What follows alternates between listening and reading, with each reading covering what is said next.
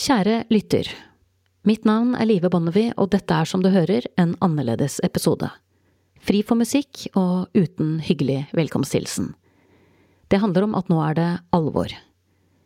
Med dokumentaren Operasjon X, hestemilliardærens hemmeligheter, har TV 2 Danmark vist en skyggeside av hestesporten som svært mange vet at er der, uten at noen egentlig vedkjenner seg ansvaret for å rydde opp.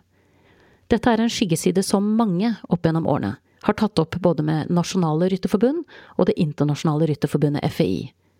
Men så lenge disse brevene og mailene med uttrykt bekymring sendes enkeltvis, så lider de dessverre samme skjebne som de ganske stygge sakene vi har sett i hestesporten de siste tiårene. De blir ikke tatt tilstrekkelig på alvor, og ender opp med å renne bort i sanden. Det må det bli en slutt på. I kveld, onsdag 29. november klokken 20.00, vises del to av Hestemilliardærens hemmeligheter på dansk TV 2, og du kan lese mer om hvordan du får tilgang på min Facebook-side Hestenes Klan. Jeg fikk selv tilgang til denne episoden i forrige uke, og tenker at det vi får se, dessverre ikke er et enkeltstående tilfelle, men at det ligner mer på et symptom på et mye større og ganske problematisk bilde, som ikke på noen måte er begrenset til toppsporten, men som har forgreninger inn i alle deler av hestemiljøet på alle nivåer. Så det absolutt siste vi trenger nå, det er en oss og dem-mentalitet. Det er denne viktige samtalen, som egentlig gjelder oss alle, reduseres til en lite konstruktiv debatt, der to fronter forskanser seg i hver sin skyttergrav og internt enes om at vi har rett og de andre tar feil.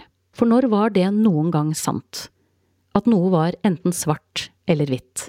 Ærlig talt, som voksne mennesker burde vi vite bedre. Samtidig er det lettere enn det burde være å trekke fram eksempler på ganger voksne mennesker har tråkket feil når det er hester inne i bildet.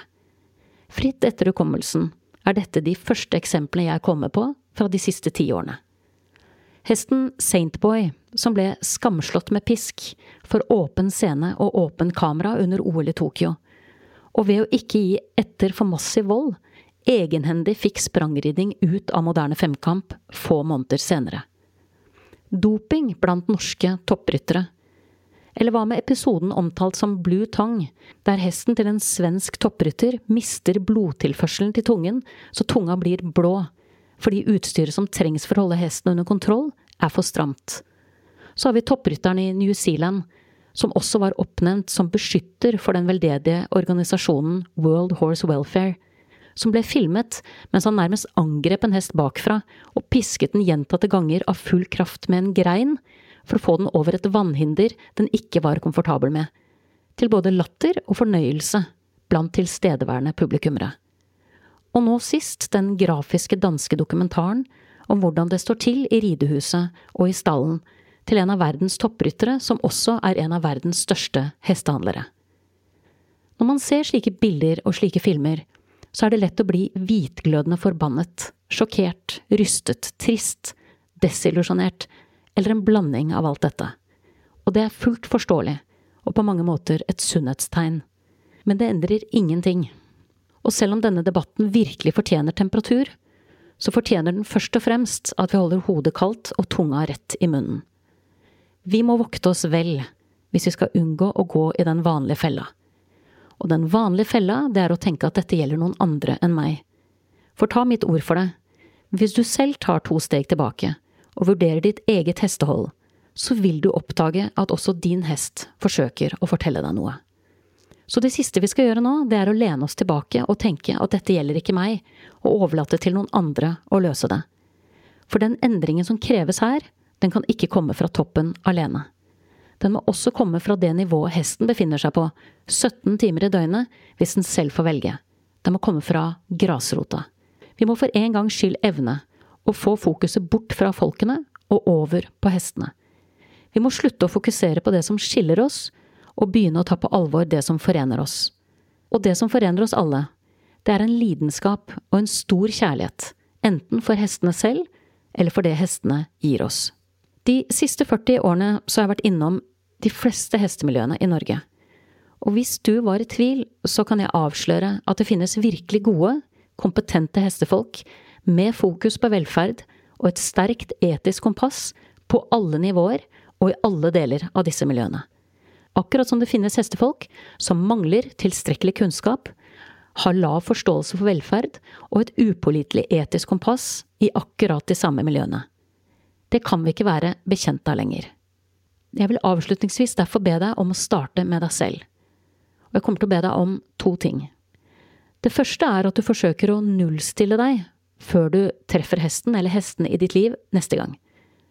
Og før du gjør noe med hesten, så gir du deg selv noen minutter til å vurdere hvordan du tror hesten din har det, på en skala fra én til ti. Deretter skriver du ned det tallet.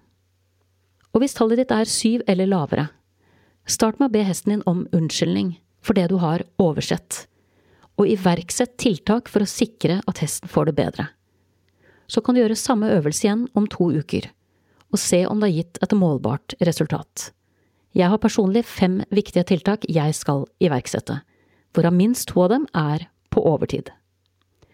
Det andre jeg vil be deg om å gjøre, det er å dele denne episoden, som en oppvarming til oppropet som følger neste mandag, der din stemme teller.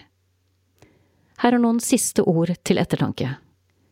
Det sies at uvitenhet kan være en velsignelse, men det er viktig at vi tar inn over oss at når det gjelder hestene våre, har uvitenhet ofte vist seg å være en forbannelse. Hesten, som med rette kalles menneskets viktigste venn, fortjener faktisk en verdig debatt om hvordan vi best kan sikre den et godt, sunt og langt liv i vår tjeneste, både i og utenfor sporten. Jeg håper du vil delta. Du har nettopp hørt episode 173 fra Hestenes Klan, en podkast om hester og hestefolk. Og i dag skal jeg nøye meg med å takke deg, kjære lytter, for tålmodigheten. Måtte hesten for alltid være med deg.